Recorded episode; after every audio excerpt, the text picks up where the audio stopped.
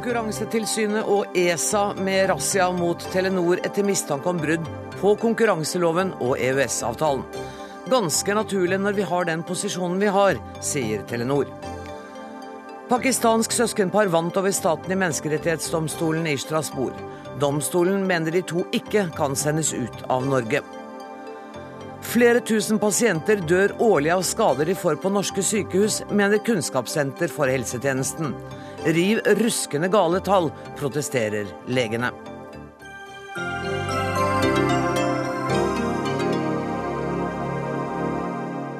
Dette er noen av sakene i dagens utgave av Dagsnytt 18, der vi også skal høre at Medieansvarsutvalget mener det må bli slutt på at redaktører straffes for noe de ikke har gjort.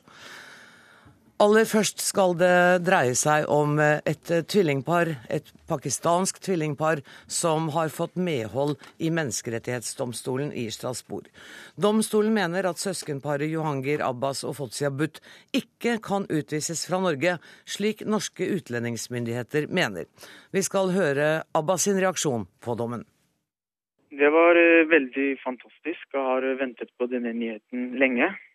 Jeg har jo først og fremst fryktet at jeg skal bli sendt ut av eh, landet mitt, eh, Norge. Og bli sendt til et eh, ukjent sted der jeg kjenner ingen. Det har jeg fryktet mest av alt. En av søsknene er veldig fornøyd med dommen. Arild Humlen, du er advokat for søskenparet. Kan du begynne med å fortelle oss litt om historien i korte trekk?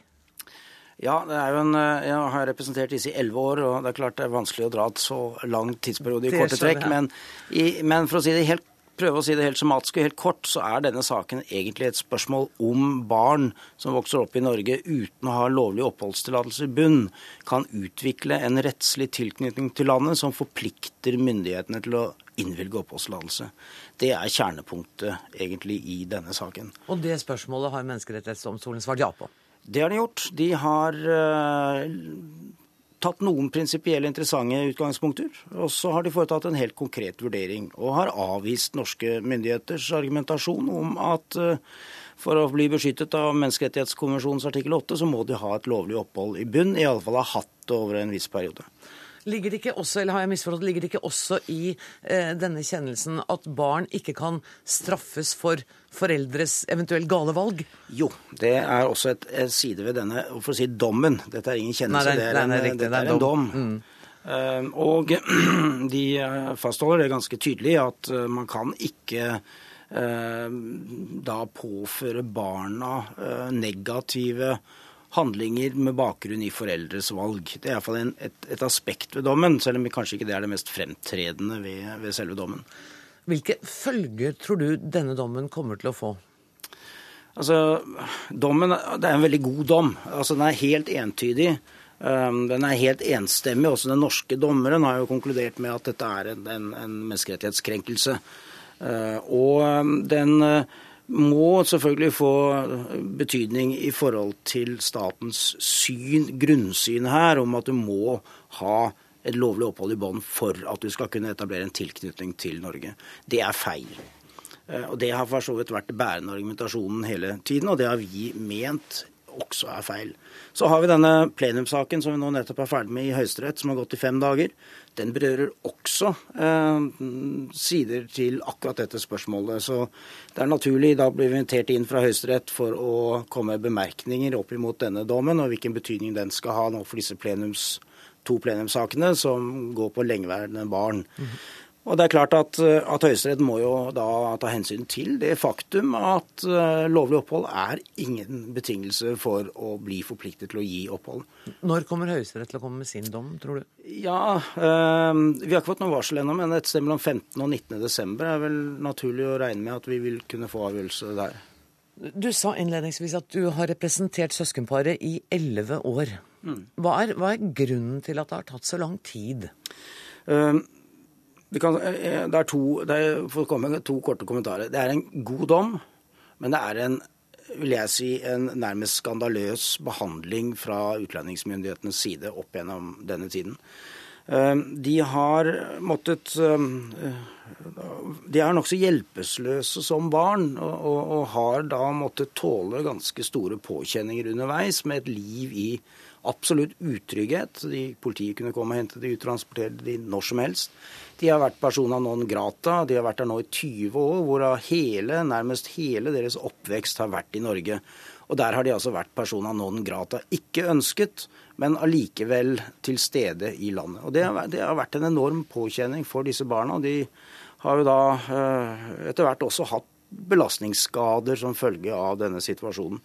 Og det er helt unødvendig, uh, uansett hvor man nå måtte plassere denne sitt saken i et menneskerettighetsperspektiv, så burde det vært helt unødvendig å gå helt til Strasbourg for å få dette fastslått. Dette burde på en enkel og grei måte vært avviklet og løst på hjemmeplanet. Ingen Sofie Aursnes, du er direktør i Utlendingsnemnda. Eh, hvordan reagerer du på dommen fra Strasbourg? Det er en interessant dom. Eh, verken UNE eller eh, lagmannsretten fant i sin tid at eh, menneskerettighetskonvensjonen var til hinder for at de skulle forlate landet. Men nå har EMD kommet til et annet resultat. De har rett til å vurdere våre norske vurderinger, og har vurdert annerledes. Det er det som har skjedd. Jeg vil jo understreke at det som har vært vurderingstema i denne dommen, det er jo verken Barnekonvensjonen eller Flyktningkonvensjonen, men konvensjonens bestemmelser om respekt for privatliv og familieliv.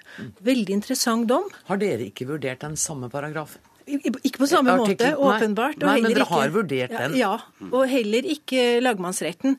Men, men tingretten? Den, den var jo alle, har vurdert, alle har vurdert konvensjonen. Men nå har altså domstolen kommet til et annet resultat, vurderer det annerledes. Det tar vi til etterretning. Og våre fagfolk kommer til å gå grundig gjennom eh, denne dommen for å fange opp alle de viktige poengene som kan komme til anvendelse i senere saker. Ehm, dere sa jo i forbindelse med stortingsmeldingen Barn på flukt at eh, det måtte lovendringer til før dere kunne endre praksis. Eh, men også domstolsavgjørelse, altså dommer, må jo kunne føre til at dere endrer praksis. Men dette har ikke noe med lengeværende barn å gjøre. Dette har med konvensjonens paragraf, nei, artikkel 8, som går på respekten for familieliv og privatliv. Men faktum er at de er lengeværende. Eh, Humlen, er det riktig at det ikke har noe med å gjøre at de er lengeværende? Det er klart at det har en side til lengeværende barn. Altså Poenget med denne dommen her, og som man egentlig ikke trenger veldig lang tid på å lese og forstå, for den er jo så entydig og egentlig ganske enkel og konsekvent bygget opp. Det er rett og slett, Han sier at et, uh, tilknytning er forutsigbart. Tilknytning har med tid å gjøre, det har med integrering å gjøre, og det er helt forutsigbart. Og norske myndigheter kan på forhånd vite at på et visst tidspunkt så vil tilknytningen være så sterk at det vil være en krenkelse enten av barnets rettigheter, eller, eller som i dette tilfellet menneskerettighetskonvensjonens standarder, å uttransportere dem. Og, og, Derfor så vil akkurat denne saken her nettopp belyse dette eh, elementet i lengeværende barn-problematikken. Men det er klart, den er jo ikke overførbar i den forstand at de har sittet på asylmottak osv. Men den sier rett og slett bare at tilknytning er tid og integrering. Og barn integreres og tilknyttes mye raskere enn voksne. Og hvis jeg kan tilføye, for vi er jo enige om det, at dette er veldig interessant. På et eller annet tidspunkt så er de jo ikke barn lenger. Og det er klart at de har vært barn. Sånn at det er en sammenheng, åpenbart. Men det som er vurderingstemaet her, er altså dette helt spesielle med respekten for familieliv og, og privatliv. Og det er en inter interessant, interessant dom. Ser du at dette kan altså Hvis man holder seg til den artikkel 8 som man ja. har referert til, uh, vil det gjelde flere andre? Har dere andre søknader inne som omsluttes av denne? Det vet vi ikke.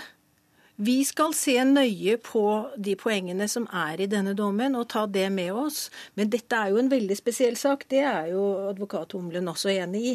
At den er, den er særskilt. Og dommen sier jo veldig tydelig at dette er helt særlige omstendigheter. Men er Men, det ikke slik med disse barna at hver eneste sak er veldig spesiell? Absolutt.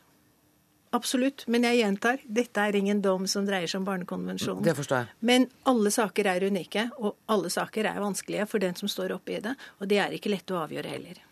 Tror du dette kommer til å få noen konsekvenser Humlen, for vår praksis når det gjelder eh, denne type saker? Altså folk uten uh, gyldig opphold, uh, men som har tilbrakt det meste av livet sitt i landet? Ja, det, altså det er klart at Den har jo sidevirkninger til den problematikken så det holder. Så det er klart at det har en viss påvirkning der. Men, men Utlendingsnemnda skal ha én ting uh, som ikke nødvendigvis var så forutsigbart. Og det var det at privatlivet også kan etableres, altså hvis man ser bort fra familieliv, for det vet vi at EMD i mange tilfeller har sagt at barn og foreldre og ektepar og sånt, det, det tilhører en familie som, som, kan etablere seg uten lovlig opphold her. men å unngå splittelser og slike ting.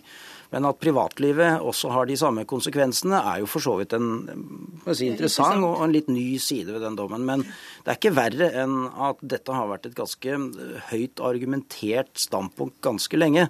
Og det følger jo for så vidt av Barnekonvensjonens oppbygging at barnets beste eh, det er også tilknytning, og det å krenke et barns tilknytning til Norge kan være en krenkelse av Barnekonvensjonen og en krenkelse av artikkel 8. Så det, man kan ikke løsrive disse tingene fra hverandre, for de henger på mange måter veldig tett sammen.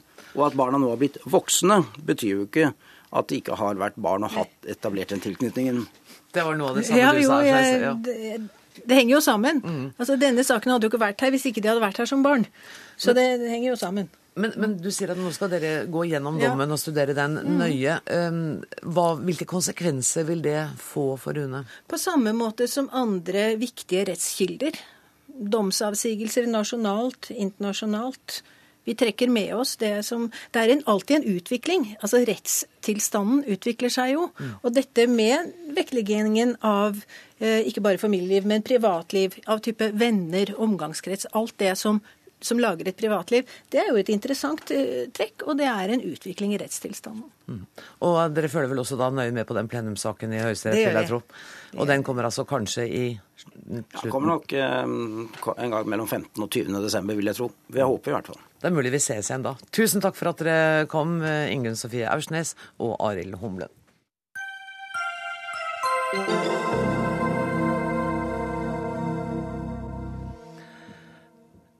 Konkurransetilsynet og EFTAs overvåkingsorgan ESA dukket i dag uanmeldt opp på Telenors hovedkvarter på Fornebu.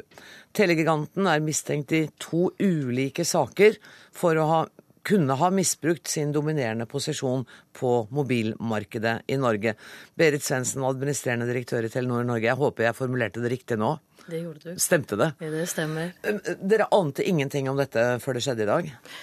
Nei, vi ante ingenting. Vi satt inne og hadde ledermøte i Telenor Norge, eh, hvor jeg plutselig ser at det kommer eh, en gruppe eh, personer, pent kledd, inn. Og døra ble åpna inn på møterommet, og jeg blir bedt om å komme ut. Og hva skjer videre da?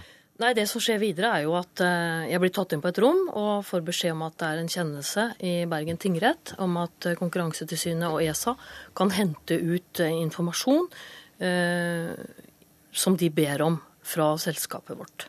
Så vidt jeg har skjønt, så er det to uavhengige eh, inspeksjoner som foretas, men de er altså koordinert. Og det gjelder to forskjellige ting, eller? Veldig vanskelig å si. For vi Vet har, ikke du heller? Nei, vi har fått vite veldig lite. Det vi har fått vite, er at dette dreier seg om mulig misbruk av den ledende posisjonen på mobilmarkedet i Norge, om et mulig misbruk. Eh, og at det kan dreie seg om eh, forholdet mellom sluttbrukerpriser og de prisene vi, vi har i grossistmarkedet mot andre aktører som ikke bygger så mye nett som oss. Hva betyr det? For det, det der er litt vanskelig. Ja, fordi det er et veldig gjennomregulert telekommarked i Norge. Og det er veldig mye regler eh, som man må forholde seg til. Eh, både gjennom ekom-regelverket og konkurranselovgivningen. Eh, og med et gjennomregulert marked så må vi operere eh, i henhold til de reglene. Og da er det også regler for man kan, hvordan man kan prise i et grossistmarked til andre operatører, som f.eks. NetCom kjøper av oss, Network Norway, TDC, og hvordan prisene kan være i sluttbrukermarkedet. Så det er det de sier. Eh, det er, det det er Konkurransetilsynets ja. anliggende. Ja, og det er det egentlig det eneste informasjonen vi har fått foreløpig, er at dette dreier seg om et mulig misbruk av ledende posisjon innenfor mobilmarkedet i Norge. Kjenner du deg igjen i den mistanken? Vi kjenner oss ikke igjen, for vi, vi har jo veldig gode eh, prosesser og prosedyrer internt og regelverk for å passe på at vi opererer helt i tråd med det som er eh, det norske telekommarkedet og regler og, og prosedyrer i forbindelse med det. Så vi kjenner oss ikke igjen. Jeg tror at når vi får mer innblikk i hva saken dreier seg om, så vil vi kunne gi mye mer informasjon. Men foreløpig så vet vi veldig lite. Og det jeg har fått beskjed om, og som vi har gjort i løpet av denne dagen, det er å gi Konkurransetilsynet og ESA tilgang til en del brukerkontoer Eh, de spurte bl.a. om brukerkontoer til noen ledende personer i Telenor Norge, deriblant meg. Så jeg har åpna skuffer og skap. Eh, jeg har åpna min e-mail-konto og eh, filer som ligger lagra. Betyr det at de personene de har bedt om e-postkontoer og, og, sånne ting til, at dere er mer mistenkt enn resten av de ansatte? Jeg syns det er vanskelig å si. Mm. Eh, jeg tror eh, når man får en sånn henvendelse som vi har gjort i dag, så eh, det beste man kan gjøre, er å selvfølgelig bare si at vi samarbeider om å gi konkurransemyndighetene og ESA all den informasjonen de ønsker.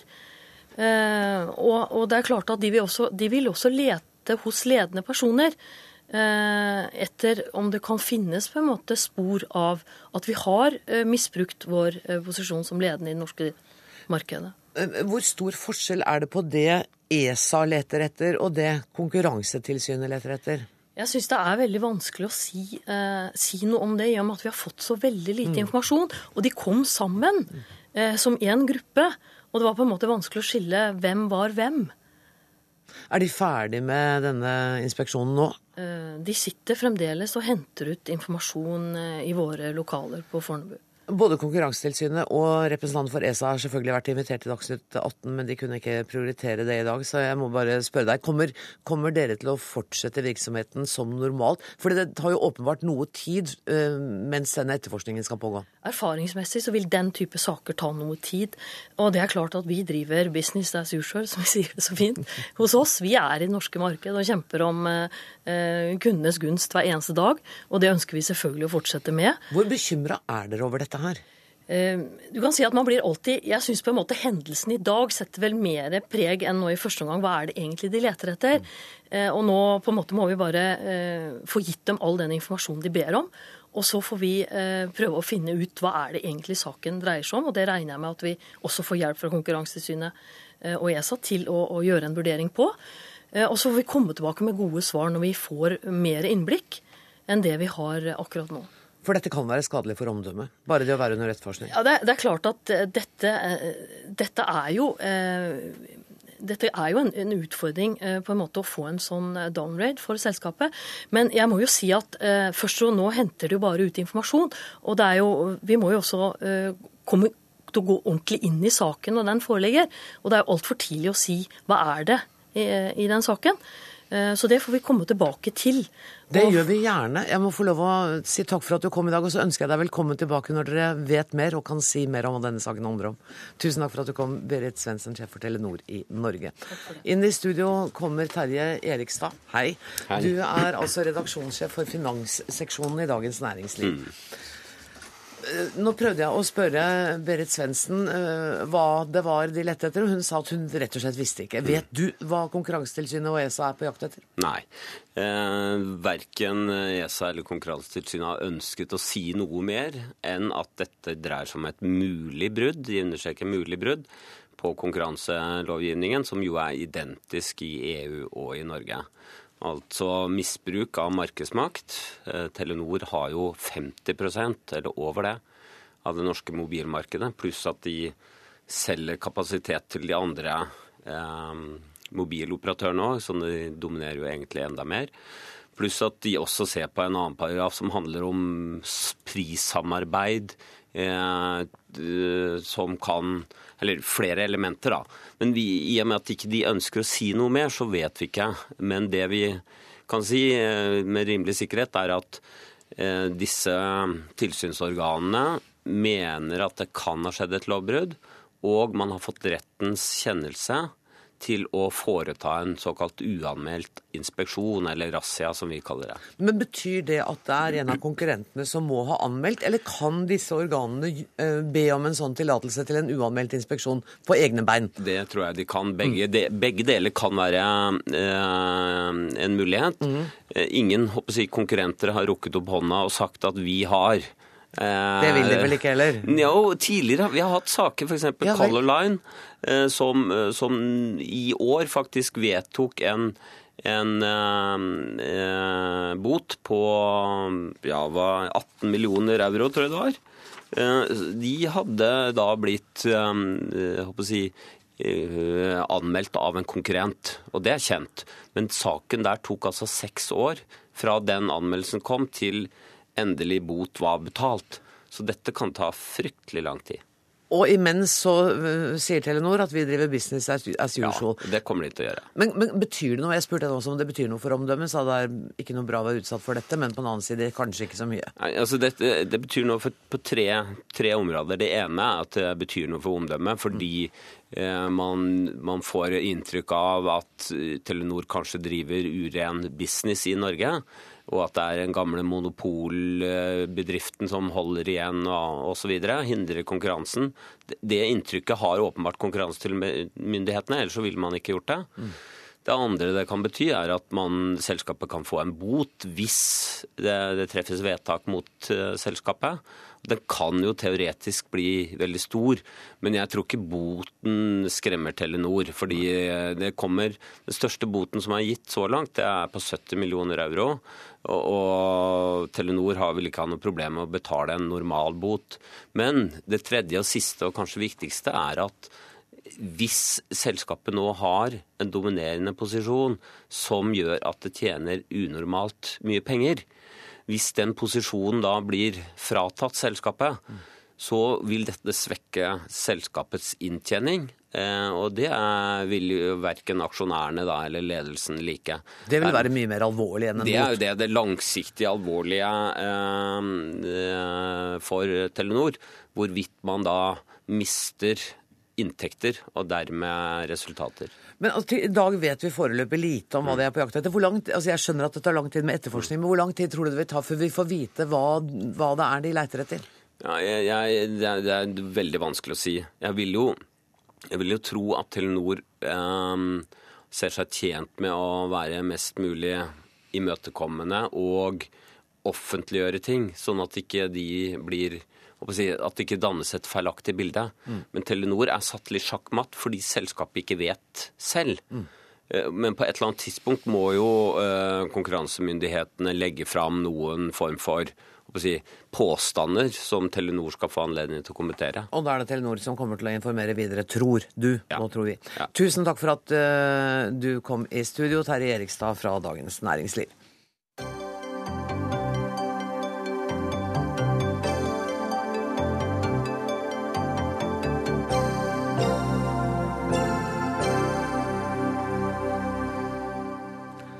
Natos generalsekretær Anders Fogh Rasmussen sier han forventer en umiddelbar internasjonal reaksjon hvis Syria tar i bruk kjemiske våpen. I dag var Natos utenriks utenriksministre samlet i Brussel, hvor de bl.a. vurderte Tyr Tyrkias forespørsel om luftvernraketter ved den urolige grensen til Syria. I går sa amerikanske myndigheter at de har opplysninger som tyder på at syriske myndigheter blander komponenter som brukes til å lage en dødelig nervegass. Og Midtøsten-korrespondent Sigurd Falkenberg Mikkelsen, syriske myndigheter er nå blitt kraftig advart både av eh, USAs Barack Obama og av Nato. Hvordan reagerer myndighetene i Damaskus i dag? Myndighetene i Damaskus eh, reagerer som de pleier å gjøre når det er snakk om deres eh, kjemiske våpen, eller påståtte kjemiske våpen, som de selv sier, og sier at eh, de ikke, kommer til å bruke det hvis det var slik at de hadde noe. De har jo ikke undertegnet noen avtaler, internasjonale avtaler rundt kjemiske våpen, sånn at de er ikke forpliktet til å erklære hva de har av den type våpen. Men det er en, lite, en dårlig skjult hemmelighet her i Midtøsten at de besitter kjemiske våpen. Men samtidig så skal det også sies at eh, Utenriksdepartementet i Damaskus eh, har kommunikasjonsproblemer for tiden, i og med at eh, de mistet sin talsmann Jihad Makdesi, som tilsynelatende har hoppet av de siste dagene. Ja, Det siste vi hørte var at han skulle være på vei til England. Det stemmer. Vi har ikke fått det bekreftet noe sted, men han var et par dager i Beirut før han fløy til London, er det siste jeg har hørt. i hvert fall. Eh, Tyrkerne har nå bedt om luftvernraketter fra Nato. Hva, går det an å si noe konkret om hva det er Tyrkia er redd for? Det er nok et uh, kraftig signal til Damaskus uh, etter alle disse uh, trefningene som har vært på grensen der. og Man skal heller ikke se bort ifra at alt den støyen som er rundt kjemiske våpen nå, henger sammen med det kravet, og at det skapes mye spinn rundt dette spørsmålet for å legitimere en Nato-utplassering. Samtidig så er det et reelt problem som alle militærvesen i Midtøsten og de som er involvert her, Eh, bakse med på en eller annen måte. og Vi vet jo også at israelerne følger nøye med på, på det som skjer der. Eh, fordi eh, Syrerne har lenge hatt en av Midtøstens mest potente hærer, men nå er den opptatt med å slåss med sine egne. Men akkurat dette med kjemiske våpen er et, fortsatt et uløst problem i Syria. Altså, Sett fra Oslo så er det vanskelig å se uh, hva de syriske myndighetene skulle ha å tjene på å bruke kjemiske våpen mot sine egne. Ja, og Det sier de jo selv også, med unntak av én sånn eh, kommunikasjon rundt uh, juli måned hvor det var virkelig tett i Damaskus. Så har de også holdt den linjen hele veien, at det er uaktuelt. Og så hører man noen signaler fra avhoppere om at det vurderes osv. Men det er vanskelig å, å, vite hva som er sant og hva som er, hva som er skremselspropaganda, i og for seg fra begge sider her. men at det syriske regimet nå er meget hardt presset på den militære fronten, Eh, det virker eh, uomtvistelig. Eh, og det er et regime som med ryggen mot veggen er i stand til å gjøre ganske mye. Men om det er i stand til å bruke kjemiske våpen, det er, det er et annet kapittel. Og det skal vi snakke videre om. Tusen takk for at du var med oss, Sigurd Falkenberg Mikkelsen. Kai Kverme, du er Syria-ekspert og prosjektkoordinator ved Senter for islam- og Midtøsten-studier ved Universitetet i Oslo. Jeg hørte deg på Nyhetsmorgen på P2 i dag morges, hvor du sa at hvis de velger å bruke kjemiske våpen mot sine egne, så er det den siste desperate handlingen. Da er det over og ut. Ja, det stemmer. Det, det, det, mener jeg helt klart. at Hvis man skulle, hvis regimet i Damaskus skulle gå til det skritt og velge å bruke disse kjemiske våpnene, så, så er det det samme som å si at nå, nå, er det slutt. og Da prøver man bare alt for å destabilisere situasjonen. Nå har vi jo også i løpet av dagen i dag fått eh, kraftige advarsler fra den amerikanske presidenten. Vi hørte i går eh, utenriksministeren til USA, Hillary Clinton, si akkurat det samme. Da kan ikke lenger verden sitte og se på det dette her. Og det vil også være helt umulig for russerne å opprettholde sin støtte til regimet i fall noe slikt skulle skje. Så er det jo også det man må tenke på at hvis man ser på Syria, på, på landet og, og på, på geografien, så er det jo slik at det er også vanskelig å se hvor de skulle kunne bruke disse her uten å ramme altså også egne støttespillere. Det eneste måtte jo da være helt oppe i nord, nemlig mot grensen til Tyrkia, som er områder der regimet ikke lenger har noen tilstedeværelse. Men jeg, jeg vil stadig holder på at det vil være et siste desperat handling fra regimet. Og Samtidig så sier USA at de har etterretningsopplysninger som mer enn antyder at det er slike planer. Det er riktig, og, og, det er jo det som gjør at man må, må, ta dette seriøst. Altså, Jeg har jo ingen mulighet naturlig nok for å vurdere disse opplysningene de har, men det man vet, det er at USA har vært veldig uttalte på at de har en sterk motvilje mot å involvere seg militært her. Vi kan jo sammenligne med situasjonen i 2003, når de ville inn i Irak, mm. hvor man brukte dette her som et veldig billig påskudd som viste seg å ikke holde stikk i det hele tatt, for å invadere dere. Og nå har vi sett voldsomme grusomheter i, i halvannet år uten at man har villet involvere seg. Men når dette kjemiske våpenkortet, hvis man kaller det det, kommer på banen, så, så, så, føler, så føler, amerikanerne seg si, pressa til å innta en mer eh, proaktiv holdning. Jeg har lyst til å vite litt om hva slags uh, kjemiske våpen vi snakker om. Forskningssjef i Forsvarets forskningsinstitutt, Bjørn Arne Johnsen. Det antas at det syriske regimet har sennepsgass, nervegassen sarin og muligens noen som heter VX. Er det disse tre som er de mest aktuelle å bruke som en krigføring? Ja, det er jo de, spesielt de to første som er, er de si, enkleste å fremstille, og som, eh, som oftest blir, eh, blir nevnt og, og, produsert av land i, i den første fase. Samme som Irak hadde. De hadde på samme måten sennepsgass og, og sarin. Ja. VX er en mer komplisert eh, eh, å lage, men, men fullt mulig å, å, lage den også. Og den er jo ti ganger mer giftig enn sarin. Og Sennepsgassen har vi jo hatt uh, lenge. Sarin hørte vi vel om første gang vi vanlige lekfolk, i hvert fall på 90-tallet, da uh, den drepte mennesker og skapte stor panikk på T-banen i Tokyo. Hvor store mengder må til før et menneske dør av dette?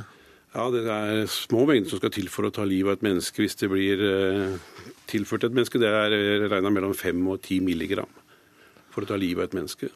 Og hvordan ville de bli brukt?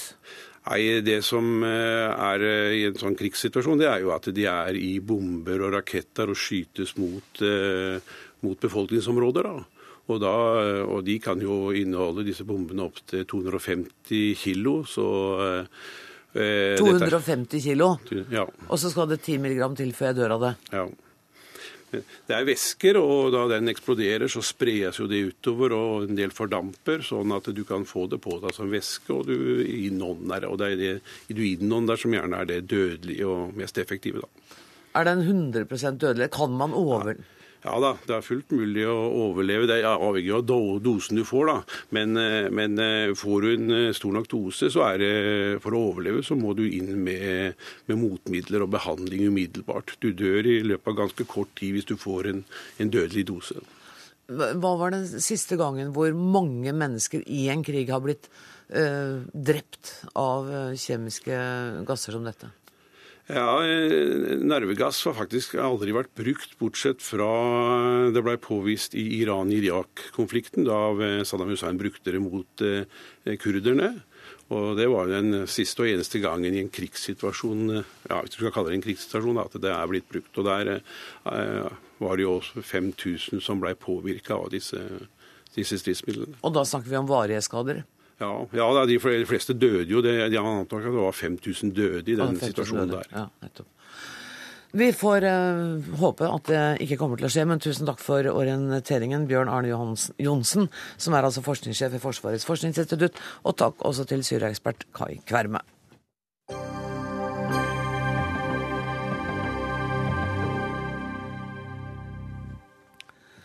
Flere tusen pasienter dør årlig av skader de får på norske sykehus. Det mener Nasjonalt kunnskapssenter for helsetjenester, som har beregnet seg fram til høye dødstall i to år. Metodene de bruker og tallene de kommer fram til er riv ruskende gale, mener flere sykehusleger. Haldor Slettebø, du er overlege ved Oslo universitetssykehus og skrev i helgen et innlegg i Dagens Næringsliv sammen med flere kolleger. Hva er det som provoserer dere sånn? Det provoserer oss eh, at eh, Kunnskapssenteret serverer disse tallene to år på rad, og at det er veldig dårlig underbygd. Og Grunnen til at jeg sier det, at de er dårlig underbygd, er at eh, de ikke stemmer med realitetene som vi erfarer når vi arbeider i sykehus. Her snakker jeg på vegne av mange kolleger. Og vi snakker om ganske høye tall, for det tallene er jo mm. altså, så vidt jeg husker, om lag 4700 mennesker som dør som resultat av pasientskader. Eh, halvparten av disse kunne vært unngått, hvis jeg har lest riktig. Det betyr at det er, cirka, det er over 2000 mennesker som da kunne vært reddet, hvis dere hadde gjort jobben deres. Ja, og Det er denne skyldninga her som er vond å svelge for oss, for vi oppfatter at det ligger en insinuasjon om slendrian i dette. Eh, I tillegg til at tallet er riv ruskende gale, som du sier. Hvorfor det? Hvor, når, vi påstår, ja, når vi hevder det, eh, så bygger vi da på undersøkelser fra mange andre land. Jeg sikter til undersøkelser fra Nederland og fra Storbritannia. Og jeg sikter også til undersøkelser fra norske sykehus, som Ullevål og Haukeland. Og jeg sikter til data fra Helsetilsynet. Og alle disse tallene kunne tyde på at det dreier seg om noen hundre hvert år. Det er jo alvorlig nok. Ja, det er alvorlig nok. Er alvorlig men, nok. Men, men, kan du gi et eksempel på en type eh, sykdom som er karakterisert som pasientskade, men som etter din mening ikke er det? Ja, det kan jeg jo gjøre. Reglene for registreringer er jo at en skal f.eks. registrere alle infeksjoner oppstått i sykehus. Eh, og Et eksempel på det har jeg jo på min egen avdeling, nevrokirurgisk, der vi har noen pasienter som blir innlagt med alvorlig hjernehinneblødning. Og hvis de er bevisstløse når de kommer inn til oss, så vet vi at 100% av dem vil få lungebetennelse under sykehusoppholdet.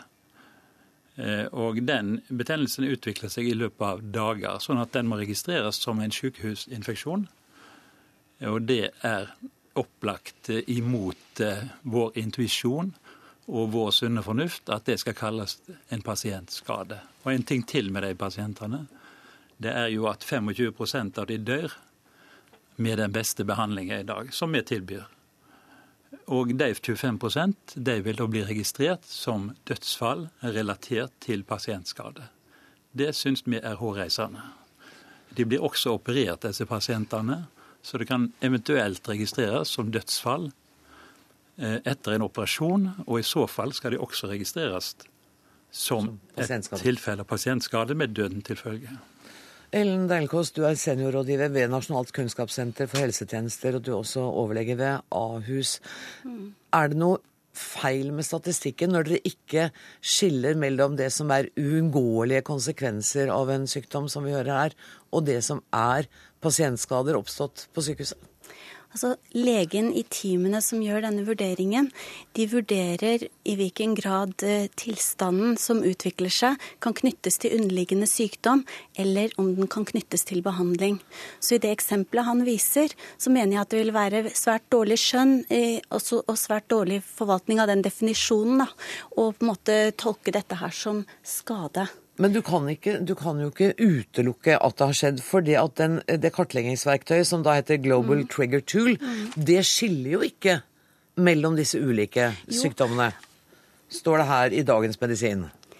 Det det, den metoden baserer seg på at klinikeren i teamet som skal vurdere om det har skjedd en skade, skal faktisk utvise skjønn i vanskelige tilfeller og, og klare å skille mellom de tilstandene som knytter seg til underliggende sykdom, og de tilstandene som man mener knytter seg til behandling. Så det er kun det som man mener knytter seg til behandling, som skal registreres som skade. Så du mener at tallene dere har kommet fram til i undersøkelsen er riktige? Ja, men jeg mener også at det er en viss usikkerhet knyttet til at det er utvist skjønn, og spesielt knyttet til dødstallene. Derfor er ikke vi glad for at man vektlegger de dødstallene i så stor grad. Vi mener at denne metoden er mye mer robust for vurdering av skadene i, i videre, altså i alle kategorier, og ikke bare kun for dødsfallene. Men burde dere ikke da arbeide for å finne bedre metoder? For det er klart at både legene som jobber i dette, og allmennheten er opptatt av dødstallene og få dem ned. Og hvis dere fastholder at jeg ligger på ca. 4700 mennesker som dør på norske sykehus hvert år pga. pasientskader, og at halvparten av dem kunne vært reddet, så er jo det ganske dramatisk. Ja, vi mener også det, og vi hadde ønsket oss mer presis informasjon om det. Det bare gjenstår å eh, rett og slett gjøre den jobben. Jeg vil, jeg vil referere til en undersøking fra Haukeland som blir lagt fram i år, der de har sett gjennom de 1000 dødsfallene som var i, i 2011. Og Der finner de at ca. 50 av dem, altså 5% av sykehusdødsfall, eh, var uventa eller unaturlige dødsfall. Det inkluderer jo ulykker og selvmord, og kanskje dødsfall pga. feilbehandling. Men hvis en anvender disse tallene på hele landet, så blir det kanskje 750 på landsbasis. Og deri er inkludert ulykker og selvmord. Så derfor er vårt estimat at det kanskje kunne være 300-400 i året det er jo altfor mye. Men det er et helt annet tall. Og det er ikke likegyldig for oss som arbeider i sykehus, at vi finner det rette tallet, og at vi arbeider hardt for å redusere det. Vi er veldig imot at det skal være så unøyaktig og lemfeldig, det som kommer fram på dette området. Jeg har bare lyst til å understreke for lytterne våre at vi snakker altså om somatiske Vi har ikke snakket om psykiatriske sykehus, vi snakker om somatiske. bare sånn at vi har presisert det. Vær så god. Jeg vil gjerne si det at eh, internasjonal forskning som han viser til om vurdering av i hvilken grad dødsfall kan knytte seg til skader, er, det viser at de vurderingene er veldig vanskelig å reprodusere. Sånn at det, Hva betyr det? Det betyr at en lege som vurderer at en skade kan knyttes til et dødsfall, eh, altså den vurderingen er, er, vanskelig for en annen lege å på en måte bekrefte. bekrefte. Eh, og, og, det viser at eh, den type Hvorfor er det vanskelig? Jo, det er fordi at det er forskjellige vurderinger i forhold til om eh, dette her knytter seg til underliggende sykdom. Det gjør jo ikke meg noe tryggere Nei, Nei, det vil jeg er gjerne si òg. Og det, den metoden som Delkås refererer til her, der, der bruker en jo da to sykepleiere til å lese gjennom gamle journaler, et tilfeldig utvalg. Og så skal de komme med sin konklusjon til en lege som ikke er spesialist på området, vel å merke. Det er han slett ikke. Og så skal han konkludere hva dette er. Og hvis du sier at leger er uenige, og at det er usikre data om dødsfall i sykehus, så blir det enda verre når en bruker en slik lemfeldig metode. Og det er derfor vi mener, og det burde Kunnskapssenteret mene òg, at disse tallene må de slutte å komme med når det gjelder dødsfall. Få de vekk, for de, har, de er Jo, men samtidig, vi har da krav på å få vite hvor mange som dør på norske sykehus pga. pasientskader? Absolutt, men vi har krav på å vite sanninga. Ja, det er riktig. Men hvordan, hva skal, vi la være å skal dere la være å offentliggjøre tallene, eller skal vi få en metode som gjør at det er riktige Ja, tall? Det vil jo være det aller beste, men den metoden som gir så håpløse tall, som varierer med 40% fra ett år til et annet, for det gjorde faktisk disse tallene, og det stemmer jo heller ikke med realiteter. En slik metode vil vi ikke ha til å bedømme dødsfall i sykehus. Vi må ha noe helt annet, som er mye mer solid underbygd. Det er viktig for oss som arbeider her, og for pasientene. Og det bør være viktig for Ja, Kunnskapssenteret. men jeg kan være enig i at disse tallene ikke er egnet til å si så veldig mye om dødsfall. Nei. Nettopp. Og da betyr det at dere tar eh, kritikken til etterretning og Ja, altså vi jobber har, hele, vi har faktisk sagt det i forbindelse med årets eh, offentliggjøring at vi ikke ønsker at man skal fokusere på dødsfallene, men heller skadene i alle kategorier. Det er det som overrasker meg litt, at Kunnskapssenteret sier at tallet er ikke så viktige. Det viktige er at det er forbedringspotensial. Men når tallet ikke er viktige, så må de slutte å komme med de. Der fikk du eh, siste ord. eh, Haldor Slettebø, overlege ved Oslo universitetssykehus. sykehus. Jeg sier også takk til Ellen Deilkås, som er seniorrådgiver Nasjonalt kunnskapssenter for helsetjenester.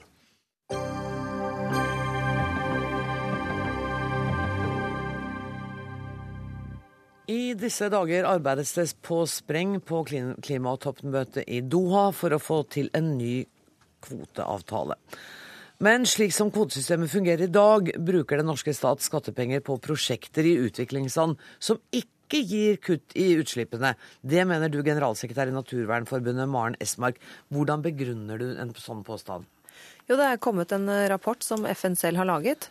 Og den rapporten viser at i nesten altså nærmere 50 av de, av de prosjektene hvor man kjøper utslippskutt, så fungerer det ikke ordentlig. Altså, du har ikke noe dokumentert utslippskutt, dessverre. Og det er da det FN-systemet som kalles for CDM.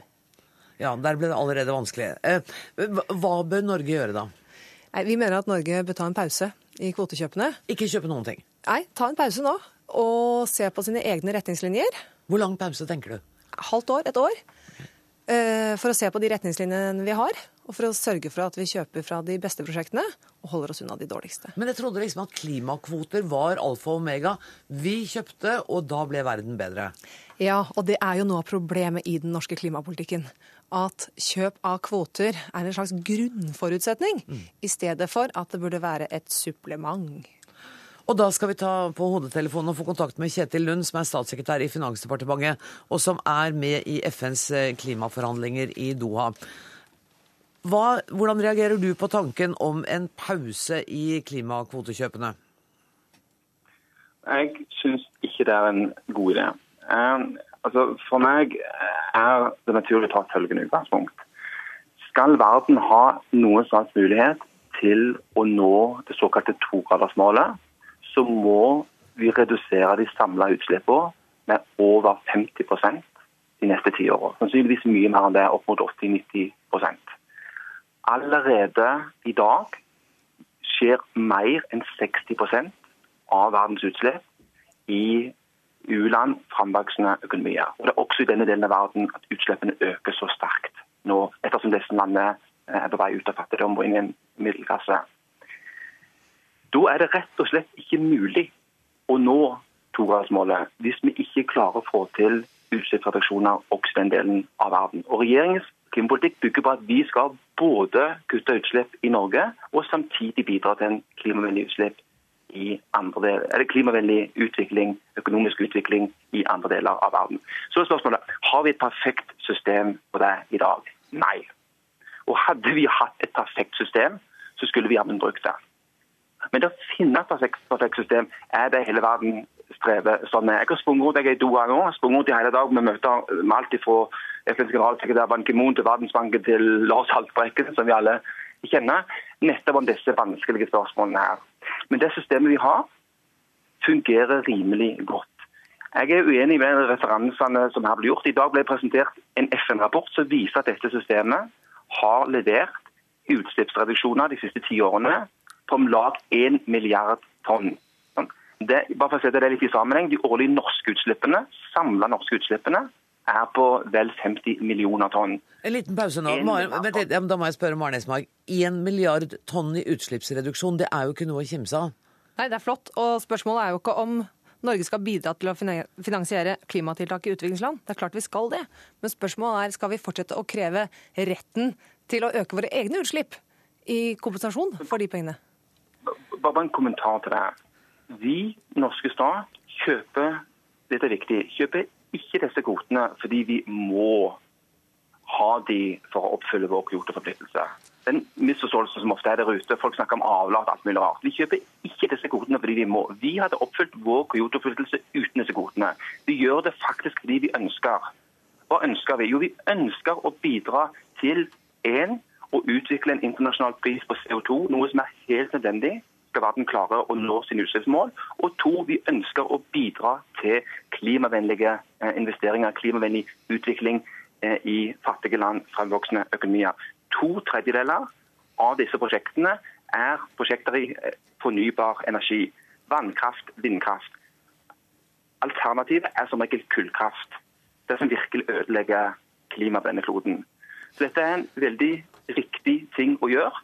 Hadde vi nå sittet med hendene i fanget og venta på det perfekte kvotesystemet skulle dalt ned på skyene, noe som neppe vil skje, så kan det være for seint. Da vil årene gått. Så jeg mener det er helt riktig å jobbe innenfor det systemet som vi har på plass i dag, samtidig som vi hver dag jobber for å forbedre systemet. For all del, systemet har forbedringspotensial. og det Regelverket har blitt skjerpet inn flere ganger de siste årene. Og det er helt sikkert rom for å forbedre det. Og Jeg har gjerne en dialog og samtale med miljøbevegelsen og andre om hvordan vi kan gjøre det. Ja, det er det du har nå. Og da må jeg gi ordet til Esmarken. Ja, eh, det er helt, Du sier at vi kan nå norske Kyoto-forpliktelser. Det er jo ikke de vi er forpliktet altså, En ting er at vi er forpliktet etter det, men Stortinget har jo også forpliktet seg til å kutte de norske utslippene med 30% innen 2020. Det er åtte år igjen, det. Å greie det uten å kjøpe kvoter, da får regjeringen problemer. Ja, i, i, Fram mot 2020 så nå forhandler vi om en klimaavtale for 2020 fram til nå. og Da kan det godt være at vi må bruke eh, CDM for å nå de målene. Det vi snakker om i denne kvoteperioden, så det er bare å påpeke at da hadde vi ikke hatt behov for å, eh, for å kjøpe sånne kvoter for å eh, nå våre klimamål. Men igjen, jeg mener det er helt riktig å, å, å bidra i dette, i dette, systemet. Jeg skammer meg ikke over det og mener at vi faktisk skal bidra til det. Det, det, dette systemet kritiseres ofte hjemme i Norge. på miljøbevegelsen, andre folk. Fordi de kaller det for avlat, alt mulig rart. Vel, når du kommer, Nå er jeg i Doha. Her, i klimaforhandlingene, fra u-landenes egne ledere hvordan er kritikken da? Jo, da kommer den fra at hvordan kan vi forbedre systemet slik at jeg i mitt land får flere av disse investeringene til meg? De vil ha mer av systemet, for de vil ha investeringer i fornybar energi som gir energi til folk, og på den, på den måten kan sikre økonomisk vekst. En klimavennlig økonomisk vekst i disse landene. Disse landene kommer ikke til å slutte å prøve å komme ut av fattigdom. Det kommer de ikke til å gjøre. Kjetilund, Vi skal også snakke litt her med, med Asbjørn Torvanger, som er forsker ved CICERO senter for klimaforskning. Du har sagt at du synes denne debatten kanskje er litt ensidig. Hvorfor det? Ja, eh, For det første vil jeg jo få fram at eh, vi snakker om to veldig ulike mål her. En ting er å få ned utslippet av klimagasser hos utviklingslandene, som nå får en stadig større del av det globale utslippet, og den andelen vil vokse kraftig framover. Og Når du ser på den utfordringen der, så er det klart at CDM og denne type mekanismer kun kan spille en liten rolle. Det må inn eh, ut, tiltak og hjelp fra i-landa, som er en helt annen skala, f.eks. gjennom det grønne klimafondet og på andre måter. Den andre sida av dette her, der også CDM eh, skal være et supplement eh, og kan spille en liten rolle, gå på å få til en mer klimavennlig utvikling i Norge. Fordi eh, Debatten i Norge blir ofte fokusert på har ofte en kortsiktig horisont, og, der en legger stor vekt på kjøp av kvote. Mm. Det og det er det vi snakker om i dag. Ja, men, men, men det som er også viktig da, at, eh, å tenke på at vi, for å få en, en fornuftig utvikling og få ned utslippene på sikt i Norge, så må vi tenke lenger. Vi må også ha en politikk som fører til at vi får høy nok pris på utslipp av klimagasser, som gir insentiv for å utvikle grønn teknologi og lede oss inn i en retning der vi blir mindre avhengig av utslipp av, okay. klimagasser. Men hvis vi holder oss til klimakvoter, er du enig med Maren Esmark i at det hadde vært fornuftig av Norge å si at nå tar vi en pause, tenker oss om mm, og, og revurderer hele greia? Altså, Jeg er enig i at mekanismen har mange svake sider. Eh, men jeg er uenig i at vi skal kutte ut den mekanismen helt. Jeg syns det er viktig at denne kan bli oppfatta som et supplement til norsk politikk, men også et supplement internasjonalt. Så skal vi også huske på at eh, vi holder på å gå inn i siste perioden av Kyoto 1-perioden, og vi snakker om en, å forhandle en ny Kyoto 2-avtale.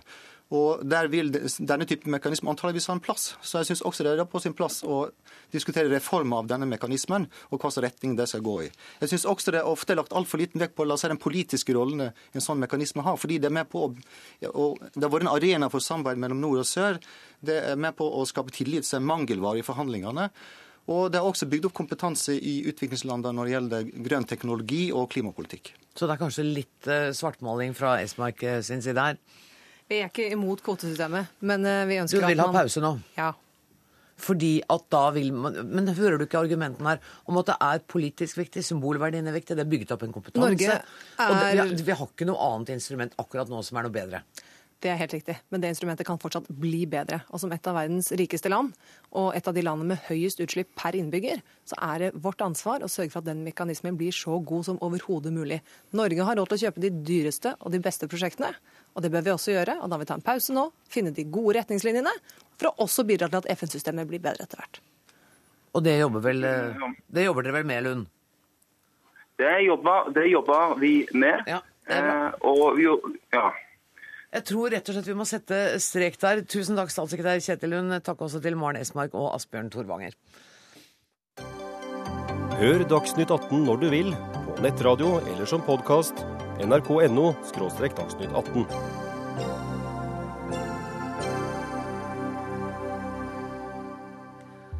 Bør det fortsatt være sånn at det er redaktøren som straffes og eventuelt går i fengsel når journalister eh, begår overtramp? Nei, mener Medieansvarsutvalget, som ber Kulturdepartementet fjerne straffeansvar for redaktører. Men journalister og redaktører kjemper innbitt imot. Arne Jensen, assisterende generalsekretær i Norsk redaktørforening. Hvorfor slåss dere så for retten til å bli satt i fengsel for å beskytte kilder, f.eks.? Ja, Det er nok ikke de masochistiske tendensene, men det er nok snarere det at vi har troen på at uh, tydelige redaktører med et tydelig mandat og et, og et tydelig ansvar er den beste uh, garantien, eller i hvert fall en viktig garanti, for at vi fortsatt kan ha kvalitetsmedier i en tid Eh, hvor mediebildet blir mer og mer fragmentert, og hvor det er flere og flere aktører som er eh, ute på banen. Og Det å ha et, et klart ansvarssubjekt, en person å forholde seg til, som man vet eh, står ansvarlig for det det enkelte medium, redaksjonelle medium publiserer, det tror vi er en, en god idé, og Det er nyttig for publikum når de skal henvende seg til, til mediene også. Men det er jo litt pussig at det er pålagt et straffansvar for et menneske som ikke har vært i den aktuelle situasjonen, mens altså den som har gjort det, da, journalisten, går fri. Det er, det er, jo ikke sånn ja, i noen andre deler av straffeloven. Ja, Nå er det ikke riktig sånn som du sier, fordi eh, i norsk rett i dag så kan man straffe både redaktøren og, og journalisten ja. og deskmedarbeideren og programlederen i Dagsnytt 18 og produsenten her. Eh, så man har en lang rekke med personer man kan saksøke. Men det særlige redaktøransvaret det er et tilnærmet objektivt ansvar, som sier at selv om Hans eh, Tore Bjerkås nå ikke befinner seg eh, på Marienlyst mm. Eh, og ikke kontrollerer hva som sendes herfra, så er han personlig på toppen av det ansvarlig for det dere holder på med. Hvis jeg har forstått det riktig, så vil da dette utvalget også si at det er en forskjell mellom straffansvar og erstatningsansvar, mm. og de syns fortsatt at redaktørene skal ha et erstatningsansvar. Mm. Vil ikke det løse problemet, da? Nei, vi tror at, og det, For det første så er det fortsatt ting som vil være forankret og er forankret i straffeloven. Det gjelder eh, brudd på privatlivets fred, det gjelder publisering av opplysninger som kan skade rikets sikkerhet osv. Så videre. sånn at det å ha en forankring i straffeloven eh, for det eh, ansvaret som følger med redaktørgjerningen, det tror vi fortsatt er med på å tydeliggjøre og, og synliggjøre eh, at det er et, en person som står ansvarlig, eh, og hvor, ikke, et ansvar som ikke pulveriseres i, i større redaksjoner. hvor mange mennesker er involvert i de enkelte produksjonene. Ann Margrethe Ausen, du sitter i Medieansvarsutvalget. og Hvorfor går dere inn for å fjerne dette redaktøransvaret når det gjelder straff? Altså, det er jo ikke riktig at vi fjerner noe redaktøransvar. Altså, Redaktørene er fortsatt ansvarlige. Og straffansvaret er, en. Ja, det, det, er et passivt ansvar som brukes i ekstremt få tilfeller. Og i de hovedsakene det har vært brukt, så går det på ære- og omdømmesaker. Så den aktivt ansvarlige redaktøren er jo den vi ønsker. Altså, vi mener å tydeliggjøre at ansvar er noe man tar, ikke noe man har passivt uh, om man er på ferie eller den type ting. Men er det ikke så, riktig det som uh, sies fra Redaktørforeningen? Redaktørforeningen at det er en pulverisering. Fordi at selv om redaktøren ikke er aktiv i eh, redaksjonen, så, så bør det jo være et redaktøransvar. Ja, og det vil det fortsatt være. Selv om flere er medansvarlige, så vil det fortsatt være et redaktøransvar. Men det vil ikke være noe eneansvar, og det vil ikke være det objektive ansvaret når redaktøren er på ferie, som er det det er snakk om her. Altså Det er et ansvar som, som kommer til anvendelse i svært få tilfeller. Og i beskyttelse av kilder så er det jo ikke dette ansvaret det er snakk om, for da gjør jo redaktøren noe aktivt ved å gå inn og beskytte en kilde og publisere noe anonymt, f.eks. Da tar jo redaktøren et bevisst valg. Da er det ikke noe tvil om ja. redaktøren utøver sitt ansvar. Og alle straffelovens paragrafer vil jo fortsatt redaktøren være ansvarlig i forhold til. Det denne paragrafen sier, er jo bare at redaktøren er ansvarlig som om han hadde kjent til noe han faktisk ikke har vært med på. Og det anvendes i svært liten grad. Ja, Det anvendes jo kanskje ikke i så veldig stor grad, men det er fortsatt et veldig viktig prinsipp. Og det, stimulerer redaktørene til å sørge for at de medarbeiderne som de har gitt fullmakter og som opptrer på vegne av dem, er eh, oppgraderte, at det er kontrollrutiner, at det er systemer, at det er regler internt i redaksjonene for hvordan man skal håndtere ulike saker. Jeg, eh, og Det er ikke riktig at dere ikke vil fjerne redaktøransvaret. Det særlige redaktøransvaret, som vi omtaler gjerne som redaktøransvaret, straffelovens paragraf 431, den vil dere fjerne. Eh, og jeg har ikke skjønt hvordan man tror at folk skal bli mer ansvarlige av å bli fratatt ansvar. Det er en pussig logikk. Når det gjelder kildevernet, så er det sånn at kildevernet vil uvegerlig bli påført skade i det øyeblikket man opphever eh, regelen om at man har et objektivt redaktøransvar som er satt til også å beskytte kilden, og som er, inn, inn, som er gitt et særlig privilegium i straffeprosesslov og i tvistelov i forhold til å nekte å svare på spørsmål om kilders identitet. Det er, jo, det, er jo, det er jo, veldig spesielt dersom det viktigste for redaktører er å være passivt ansvarlig. Nei. Jeg håper jo at det viktigste for redaktører er å være aktivt ansvarlig og utøvende og igangsettende. Og det vil dere fortsatt være være i 110% Så det går jo, går jo ikke på det. Men, men Margrethe, det objektive redaktøransvaret det stimulerer til aktivitet. Det ansvaret dere vil ha, som er likt for hver enkelt, det, det beste en redaktør kan gjøre da, dette har til og med lederen for utvalget du var med i sagt, at hvis redaktøren er på ferie eller syk, så skal han ikke holdes ansvarlig. Beskjeden er jo underliggende sørg for å holde deg mest mulig borte fra redaksjonen, så blir du ikke holdt ansvarlig. Det stimulerer ja, jo ikke til aktiv medvirkning. Da sier jo du at dine medlemmer er folk som egentlig skyr ansvar. Nei, jeg sier, jeg sier jo, det er det du sier nå. Det, jeg sier hvilket signal nei, dere sender. Nei, det er overhodet ikke det vi mener. Men vi, tvert imot så ønsker vi ja, men Da må dere si det, da. Jo, men det er jo det vi sier også. Det er jo dere som leser oss helt forkjært i forhold til det at det faktisk skal være en aktiv utøvelse av et redaktøransvar. Og det er eh, altså det er ikke sånn som det nå framstilles, at da pulveriseres ansvaret fullstendig. Det er et ansvar som, som deles på flere. Og jeg syns det er underlig at journalister ikke på samme måte som andre skulle være medansvarlige når de faktisk, hvis de faktisk medvirker til men, noe men, men de er som, som, er straffbart. Ja, og det er de, og det skal de være. Din beskrivelse av dagens rettstilstand er positivt feil, på samme måte som utvalgets på mange punkter Nei, men det dere vil ha er en, et objektivt ansvar, hvor ja. journalister ikke har ansvar i det hele tatt. Jo. Og du så hvordan det har gått i Storbritannia f.eks. Men altså, det, det, der blir dere ikke enige om, og det er 15 sekunder igjen. Jeg må bare spørre deg, Austnov. Eh, på hvilken måte vil dette bedre brukernes forhold til eh, redaksjonene? Altså Utgangspunktet for utvalget var at vi skulle finne fram til noe som var medienøytralt. Vi har hele problematikken med Facebook og mange steder hvor det ikke nytter å ha en redaktør. Derfor så måtte vi finne noe som var teknologi- og medienøytralt.